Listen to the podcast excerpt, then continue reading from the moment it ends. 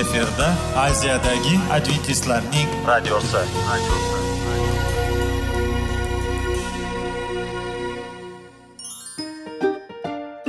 Assalomu alaykum aziz radio tinglovchilar.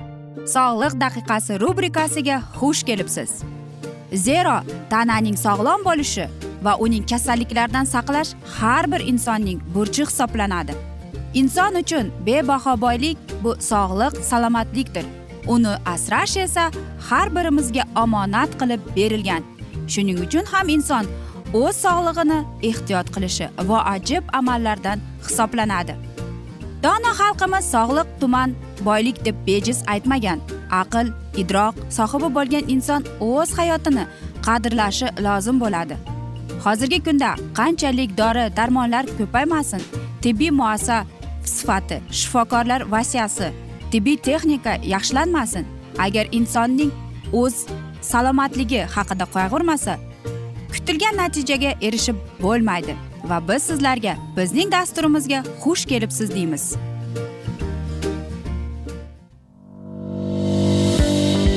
Sog'liq daqiqasi soliqning kaliti qiziqarli ma'lumotlar faktlar. Har kuni siz uchun foydali maslahatlar. Sog'liq daqiqasi rubrikasi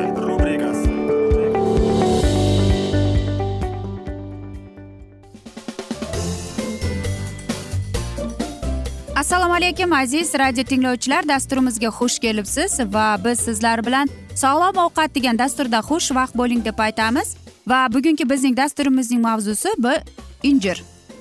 Biz e, mana shu mevani iste'mol qilganimizda. Ya'ni undagi bo'lgan kaliy va natriy bizning miyamizga kerakli e, ma'lumotlarni ya'ni vitaminlarni berib o'tar ekan. Umuman olib qaraganda injirni e, eng yaxshi profilaktikaga alsgeymer kasalligi parkinson kasalligiga eng yaxshi profilaktika mevasi deb hisoblanar ekan. Nafaqat mana shu kasalliklarga butun nevrolog kasalliklarga ya'ni hattoki ba'zan xotira pasayishda ham mana shu meva yordam berib kelar ekan. Bundan tashqari bu meva deydi e, nafaqat bu meva meva e, balki quritilgan injirning ham eng yaxshi va eng e, boy hisoblanadigan e, mevalardan ya'ni bizning oshqozon ichak e, kasalligiga ham eng yaxshi dorilardan hisoblanar ekan. Bilasizmi aziz do'stlar? Bu injirning e, mana shu po'stlog'i bizdagi bo'lgan e, kerak emas vitaminlarni ya'ni kerak emas e, bakteriyalarni chiqarib tashlaydi ekan. Va qarangki e, bizdagi bo'lgan hattoki parazitlarni ham hattoki juda og'riq toksik meva mana shu metallarni ham chiqarib tashlaydi ekan. Shuning uchun ham agar biz bu mevani iste'mol qilganimizda. Ayniqsa undagi mayda chuyda mana bu donachalarini iste'mol qilganimizda bakteriya virus griboklarda kurashishda eng yaxshi usul ekan. Xo'sh buni iste'mol qilishimiz kerak. Agar siz doimo har doim mevani mana shu injirni iste'mol qilsangiz siz qorningizdagi og'riqni qorin dam bo'lishini ich qochishini va hattoki yalliqlanish haqida unutar ekansiz. Injir vitamin b guruhidagi vitaminlarga boy ekan e, va undagi fitokimyoviy elementlar bizning qonimizdagi radiatsiyani pasaytirar ekan. Va mana shu qondagi radiatsiyadagi bizni organizmimizga o'ta zararli ekan. Va qarangki unda antioksidantlar ko'plab foydali elementlar bor ekan. Xullas karom e, oddiy so'z bilan aytganda bu injir bizdagi ko'plab kasalliklarga eng yaxshi dori hisoblanar ekan. Hech ham unutmang biz siz doimo bu injir bilan lazzatlanishingiz kerak va bu sizning sirli aytaylik sizning bir sirli o'qingiz bo'ladi va siz o'zingizdagi sog'lig'ingiz uchun va albatta uzoq yashovchi e, uchun bir e, mana shunday sizning o'qingiz bo'ladi deymiz. Qanday kasalliklarda buni iste'mol qilishimiz kerak? Agar sizda mana shu kuydagi alomatlar bo'lsa demak siz e, dori mana shu injirni ko'p iste'mol qilishingiz kerak ekan. Alsgeymer kasalligi parkinson kasalligi demensiya e, yoki siz o'ta harakatchangsiz epilepsiya e, yoki aytaylik sizda bachadon saratoni hattoki oshqozon saratonida yurak kasalligida aytaylik suyaklar saratonida va ich ketishda hattoki appendiksda ham yordam berar ekan. Va aziz do'stlar hattoki psoriazda ham yordam beradi. Bo'tkina kasalligida gepatit b va c dda yordam berar ekan. Mana shunday kasalliklarda albatta buni iste'mol qilib turish kerak ekan.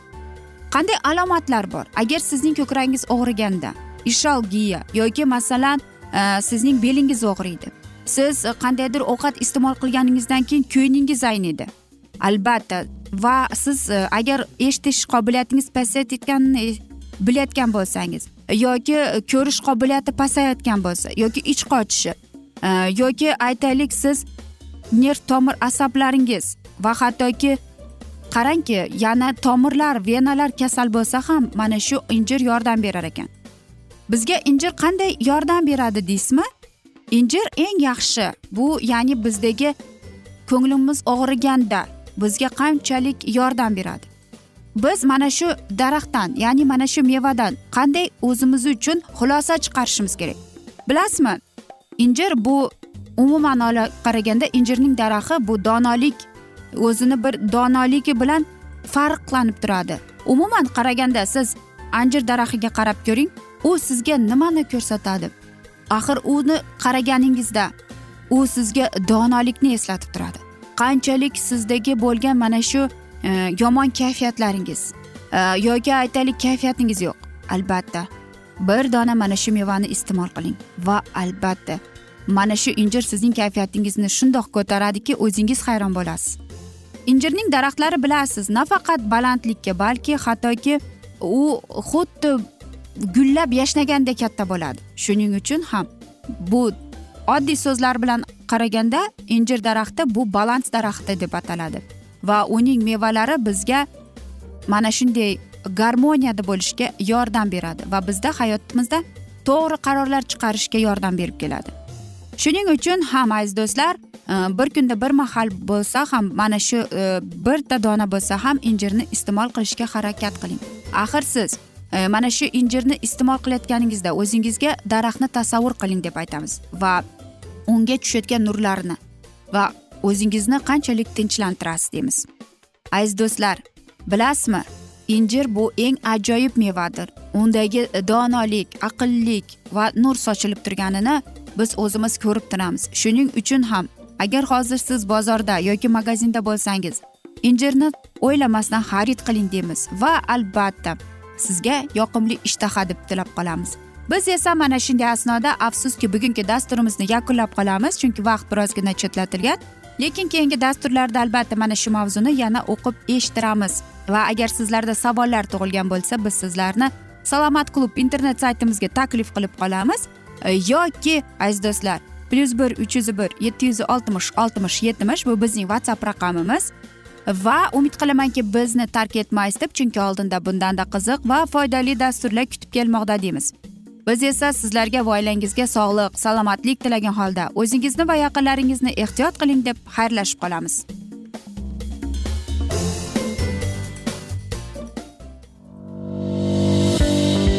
Sog'liq daqiqasi soliqning kaliti qiziqarli ma'lumotlar faktlar. Har kuni siz uchun foydali maslahatlar.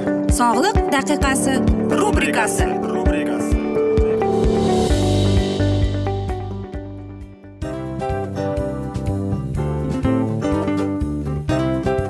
mana ha hayotda hamma narsaning yaxshi narsalar tugaydi va yakunlaydi degandek bizning dasturimizga ham yakun keldi. O'ylaymanki bizning dasturimiz sizga foydali bo'ldi deb aziz radio tinglovchimiz. Va siz o'zingiz uchun kerakli xulosalar kerakli maslahatlar olib oldingiz. Aziz radio tinglovchimiz biz bilan qoling va keyingi dasturlarimiz albatta undanda qiziqroq bo'ladi. Mana shu alfozda sizlar bilan xayrlashib qolaman.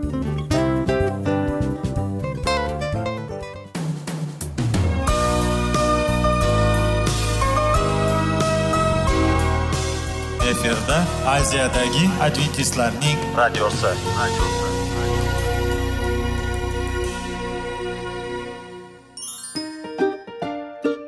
Assalomu alaykum aziz radio tinglovchilarimiz. Dil izhori dasturimizga xush kelibsiz. Pul insonni baxtli qiladimi? Albatta yo'q. Sog'liqchi. Albatta bo'lishi mumkindir. Lekin olimlar shuni isbotlashdiki to'liq va mukammal munosabatlar insonlarni baxtli qilar ekan. Albatta biz hayot davomida biz yaqin insonlar bilan odamlar bilan aloqada bo'lamiz va ular bilan munosabatlarimiz qanday kechadi qanday tuziladi? Yigit va qiz er va xotin ota ona va farzandlar va yaqin insonlar bilan. Balkim hozirgi vaqtda kimnidir hayoti yoki munosabatlari buzilyapti. Va bizning dasturlarimiz ularga yordam bo'ladi deb. Va oldinda sizlarni qiziqarli intervyular va mavzular kutyapti va biz umid qilamizki siz biz bilan qolasiz deb.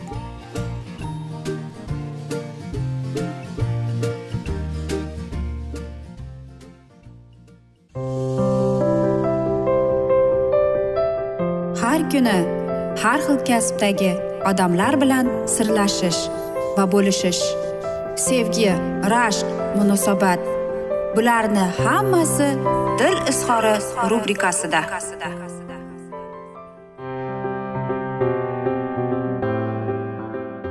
Assalomu alaykum aziz radio tinglovchilar. Dasturimizga xush kelibsiz va biz sizlar bilan izlash va ushlab qolish degan dasturda xushvaqt bo'ling deymiz. Va bugungi bizning dasturimizning mavzusi bu yalqov erga davo bormi deb ataladi. Sovchilar uchrashuv to'y bularning barchasi ko'pchilik ayollarga tanish. Oila qurgandan keyin yalqov erga uchraganlar kimni ayblash bilmay boshlari qotishi aniq. Ba'zilar yalqov erni tarbiyalashga kirishsa qolganlari taqdir ekan deya qo'l siltishadi. Xo'sh ayollarning bosh og'ri bo'lgan yalqov dangasa erning kasalligini tuzatishi mumkinmi degan savollar keladi. Tuzalmaydigan yalqovlar ham bor ekan. Agar turmush o'rtog'ingiz tez tez ish joyini o'zgartirib turadi yoki ishlamaydi. Sabab qilib ish joyidagi xodimlar va ishning o'nta to'g'ri unga to'g'ri kelmasligini aytsa har doim yangilik kiritayotgan qidirayotganini ta'kidlaydi biroq jiddiyroq ish bilan shug'ullanish xayoliga ham kelmaydi. U tanlagan kasb yoki ishining umuman daromadi yo'q. Shunga qaramasdan ishlashni davom ettiraveradi chunki unga yoqadi. Doim sizdan yana ozgina chidab turishni sabr qilishni so'raydi. E, siz ham turmush qurganingizdan beri kutmoqdasiz. Ishlab qochish ketmasligi yoshlikda o'ynab kulish kerakligini ta'kidlaydi pul yetishmovchilikdan sizga qarz olishni maslahat beradi. Ust boshiga ham umuman e'tibor bermaydi. Yalqovlar odatda hatto o'ziga ham bee'tibor bo'ladi. Pul topishning oson yo'llarini topishga harakat qiladi. Ikkita e, oliy o'quv yurtini bitirganiga qaramay uchinchi marta ham yangi kasbga o'qishga qaror qiladi biroq tayinli kasbni tanlamaydi. Uylangan bo'lsada oilasini ta'minlab turgan ota onasi qanotidan chiqib ketishni istamaydi. Oilada undan tashqari yana ikkita uylangan aka ukalari bo'lsa ham ayoli topgan pulni hisoblashni va kelajagini o'ylashni yoqtiradi. Mabodo rafiqasi ishdan bo'shamoqchi bo'lsa qattiq siqiladi darobad e, manbaini yo'qotib qo'yishdan qo'rqadi. Bu ro'yxatga kiritilganlarning yalqovlik pul ishlab topish va oilasini boqishga harakat qilmaslik. Ular taqdirini o'ylamaslik qoniga singib ketgan. Odatda bundaylar ayollarining barcha ro'zg'or tashvishlarini o'z bo'ynilariga olganlaridan xursand bo'lsa ham bo'lishadi. Hayot qiyinchiliklaridan nolishadi biroq o'zlari qimirlab pul topishni uy ro'zg'or ishlarida ayoliga yordam berishni kerakligini o'ylab o'tirishmaydi ham. Afsuski bu jihatlar faqatgina turmush qurgandan so'ng yuzaga chiqib keladi deyiladi. Xo'sh o'zingizning sababi bo'lgan holatlarni o'ylab ko'ring. Birinchi muammo. Masalan turmush o'rtog'ingiz uy ro'zg'orda sizga ko'maklashishni xohlaysiz. Biroq baribir bekor. Sababini aniqlaymiz. Turmush o'rtog'ingizning har bir harakatini nazoratga olmoqchisiz. Erkaklar esa nazoratga toqat qilolmaydilar. Qancha ko'p kamchiligini ko'rsatib qilgan xatolar uchun ayblayversangiz unda o'ziga yarasha himoya qobig'i paydo bo'ladi va har qanday urinish taqid iltimos bee'tibor qoladi. Hamma mas'uliyatni o'zingizning nozik yelkalaringizga olib uni erkalatib yuborgansiz. Va albatta ikkinchi muammo bu turmush o'rtog'ingizning kam pul topadi ish joyini o'zgartirishni xohlamaydi yangi ish topishdan ko'ra hech narsa qilmaslikni afzal biladi. Dunyoda o'zlarini mustaqil harakat qilib o'zgalarning yordamisiz muvaffaqiyatga erishadigan erkaklar kam. Bu achinarli xor lekin haqiqat ular doim qo'llab quvvatlashga kimdir ma'lum bir yo'lga yo'llantirib turishiga muhtoj shundagina ruhlanib maqsad sari olg'a qadam tashlashadi. Asosiysi ularning nozik qalblarini jarohatlab qo'ymaslik kerak deyiladi. Turmush o'rtog'ingiz san'at ijod bilan bog'liq bo'lib o'n o'ta romantik desak ham bo'ladi. Xo'sh dangasalikdan e, qutulish yo'llari. Turmush o'rtog'ingiz e, kim bo'lishidan qat'iy nazar xotirjamlikni saqlab muammolarga falfasiy yondashing. Sizni aynan nima qoniqtirmayotganligini o'ylab tahlildan o'tkazing. O'z o'zingizga savol berishga va javob olishga harakat qiling. Agar uydagi tartibsizligi yoqmasa birinchi usul bu paypoqlarni har joyga tashlab ketsa paypoqlardan birini dasturmol o'rniga cho'ntagiga solib qo'ying. Dasturmol o'rniga paypoq chiqib mulzam Э, bo'lgach masala hal bo'ladi. Ikkinchi usul bu bir oy davomida qilish kerak bo'lgan ishlarni kuniga bir martadan xotirjam holda gapiring. Bu usuldagi uy gipnozi bir oydan so'ng o'z samarasini beradi deyiladi. Albatta bilasizmi ko'p e, mana shunday dangasa erkaklarni biz bilamiz lekin qanday qilib ular bilan kurashish qanday qilib e, yondashish kerakligini e, afsuski bilmaymiz.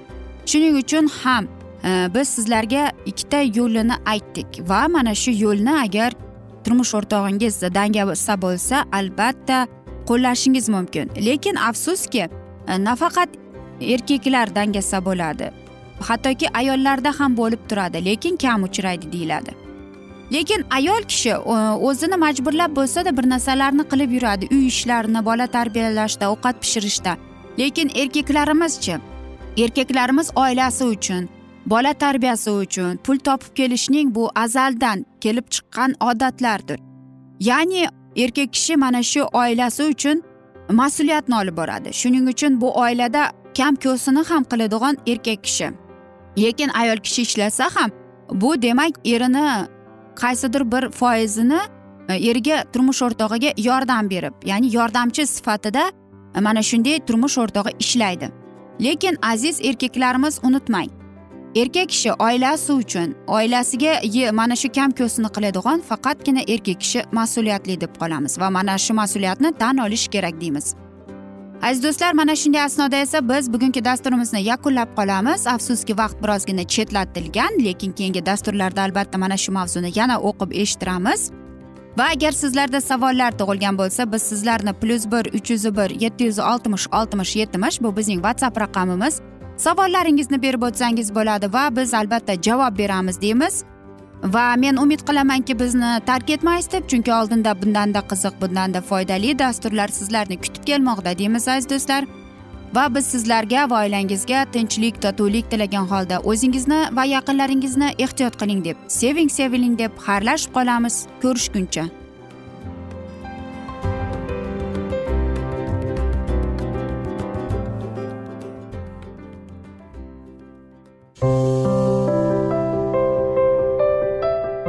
Har kuni har xil kasbdagi odamlar bilan sirlashish va bo'lishish sevgi rashq munosabat bularni hammasi dil izhori rubrikasida. Mana aziz radio tinglovchimiz bizning go'zal va foydali va chiroyli dasturimiz yakunlanib bormoqda. Sizlarga birozgina maslahat berib o'tmoqchi edik. Bir biringizni seving. Qadringizga yeting. Va erkalang albatta bir biringizni va sizga judayam chiroyli va mustahkam munosabatlar tilab qolamiz albatta. Sevgilingiz doimo yoningizda bo'lsin. Mana shu borada sizlar bilan xayrlashib qolamiz. Xayr.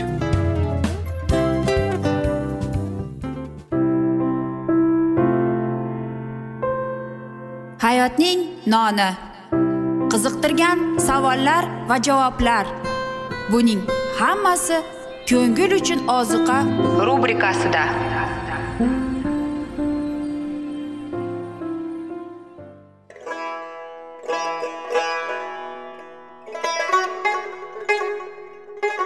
Assalomu alaykum aziz radio tinglovchilarimiz. Ko'ngil uchun oziqa rubrikasida xush kelibsiz deymiz. Siz haqiqatni izlayapsizmi? Olamnimi?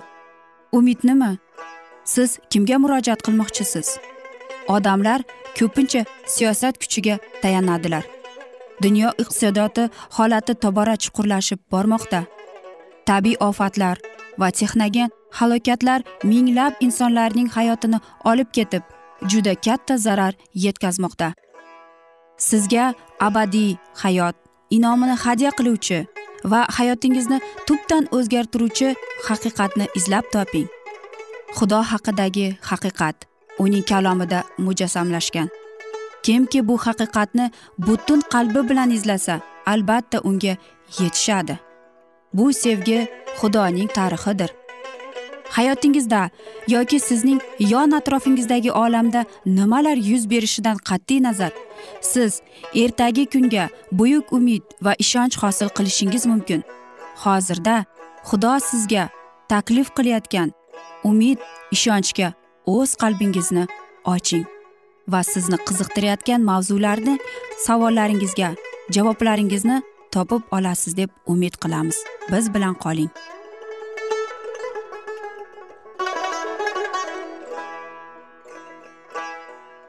Assalomu alaykum aziz radio tinglovchilar. Dasturimizga xush kelibsiz va biz sizlar bilan ulug' otalar va payg'ambarlar degan dasturda xushvaqt bo'ling deb aytamiz va bugungi bizning dasturimizning mavzusi sinay tagidagi butparastlik deb ataladi va biz sizlar bilan o'tgan galgi mavzuni bugun davom ettiramiz. Xudoning qo'lida itoatli qurol bo'lgan muso isroil uchun shafoat qilar ekan. U shunchalik ko'p mehnat ko'rsatgan birodarlariga bo'lgan chuqur ixlomaslikni va muhabbati oldida uning jur'atsizligi tisalardi xudovand uning yolvorishiga quloq soldi va fidokorlik ibodatini qondirdi. Xudo o'z qo'lini sinadi. Ushbu adashgan va minnatdorsiz xalqqa bo'lgan uning sadoqatini va sevgisini u sinadi va muso sharaf bilan sinovdan o'tdi. Uning isroilga bo'lgan ixlosmandligi shaxsiyaparast tuyg'ulardan chiqmas edi. Tanlagan ilohiy xalqining ezgu qismati va shaxsiy sharafidan qimmatroq edi. Ko'p sonli xalqning kafinboshligi bo'lish afzallikdan qimmatroq edi. Musoning sadoqatligini jon kuyar oddiyligi va diyonatkorligi ko'rish xudoga yoqardi va u sinovdan o'tgan cho'ponga kabi buyuk mas'uliyatni uning zimmasiga yukladi. Ya'ni isroil xalqini nazr atalgan yerga yetaklab olib borishni buyurilgan muso va nabi yasu tog'dan tushib kelganlarida birinchi qo'llarida vahiy bo'lgan lavhalarni ko'tarib kelardi. Ularning qulog'iga qo'zg'algan balki telbalik hayajonga tushgan olomonning ovozi yetdi. Askar bo'lgan yasunabi dushman hujum qilgandir deb o'yladi. Manzilda harbiy tovush dedi u. Lekin ularga yetib borgan ovozlarni muso aniqroq angladi. Bu urushning shovqini emas shovqin shovlik edi. Bu g'alaba qozonadiganlarning ovozi emas mag'lub bo'layotganlarning faryodi ham emas. Men ashla aytganlarning tovushini eshityapman. Manzilga yetib kelganlarida ko'rsalarki xalq qilgan but atrofida baqira baqira raqs tuchardi bu misrdagi majusiylar bayramiga o'xshagan majusiy tomoshabinning oddiy manzarasi edi. Ko'zlariga ochilgan manzara tantanali va ehtirom bilan xudoga bag'ishlanadigan xizmatga naqadar o'xshamasdi. Muso hayratga tushdi. U mana hozirgina ilohiy ulug'vorlik namoyon bo'lgan joyini qoldirdi. Va manzilda ro'y bergan hodisalarga ogoh bo'lganiga qaramay isroilning tushkunligiga shunchalik xunuk manzarani ko'rishga tayyor emas edi. G'azab uni qurshab oldi. Ularning jinoyatiga o'z nafratini ifodalab u tovush tosh lavhalarni yerga irg'itdi va ular butun xalqning ko'z o'ngida sindi.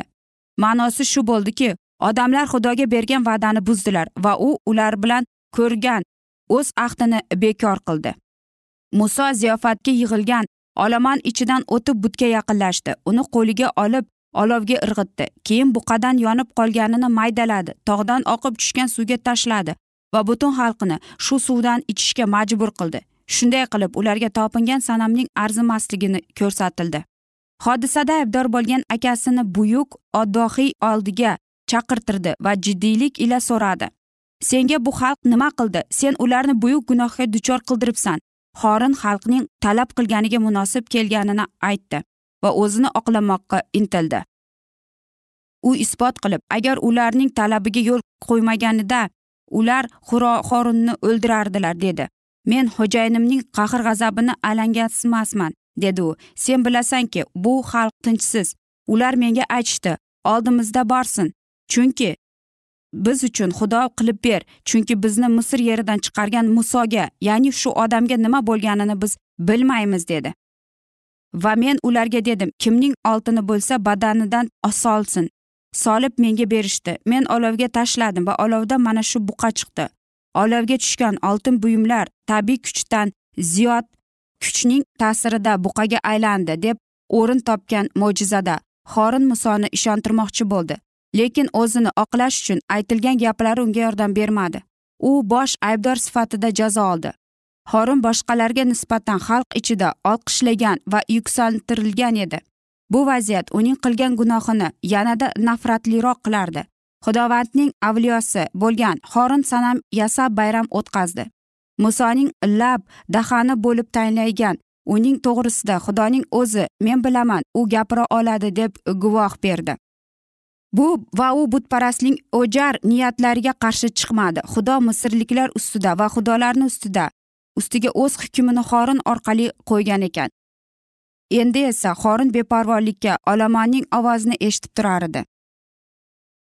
Xuddi u muso bilan toqqa chiqib xudovandning ulug'vorligini ko'rganday xuddi u shu ulug'vorni ko'rishga sazovor bo'lganida aniq tasvir yaratish uchun hech qanday dalil bermaganiga ishongan edi. Muso bo'lmaganida odamlarga nasihat berish uchun xudo shu vazifani xuddi unga ishontirgan bo'lsada xorin ularning isyoniga ko'maklashdi. Xudovand xoringa haddan ziyod g'azablandi va uni halok qilmoqchi bo'ldi. Lekin musoning jonkuyar ibodatiga javoban xudo uni ayadi. Ko'ngli ezilgan holatda xorin gunohiga tavba qildi va yangidan ilohiy lutfi qaramiga sazovor bo'ldi. Agarda xorin oqibatda pushaymon bo'lmay jasorat bilan haqiqatni himoya qilganida edi u xalqni tirsaklishdan ogohlantirib qo'yolardi. Agarda u xudoga o'z sadoqatida tebranmasa edi agarda u sinaydan chiqib turgan xavfga e'tibor berib odamlarga xudo bilan bog'langan tantanali ahd to'g'risida eslatganida edi. Ko'ngilsiz voqea o'rin topmasdi chunki ular o'zlari ilohiy qonunga itoat qilishga va'da berganlar edi. Lekin xalqning xohishlariga u xush muomala ko'rsatdi. Ularning talablarini shubhasiz bajardi va shuning bilan ularni o'zlarini oldida shunchalik og'ir bo'lishini tushunmagan hatto katta gunohga itarardi deb atadi. Aziz do'stlar mana shunday asnoda esa biz bugungi dasturimizni yakunlab qolamiz chunki vaqt birozgina chetlatilgan va biz sizlarga whatsapp raqamimizni berib o'tamiz. Murojaat etsangiz bo'ladi. Plyus bir uch yuz bir yetti yuz oltmish oltmish yetmish aziz do'stlar. Va biz sizlarga va oilangizga tinchlik totuvlik tilab o'zingizni va yaqinlaringizni ehtiyot qiling deb xayrlashib qolamiz. Omon qoling deymiz.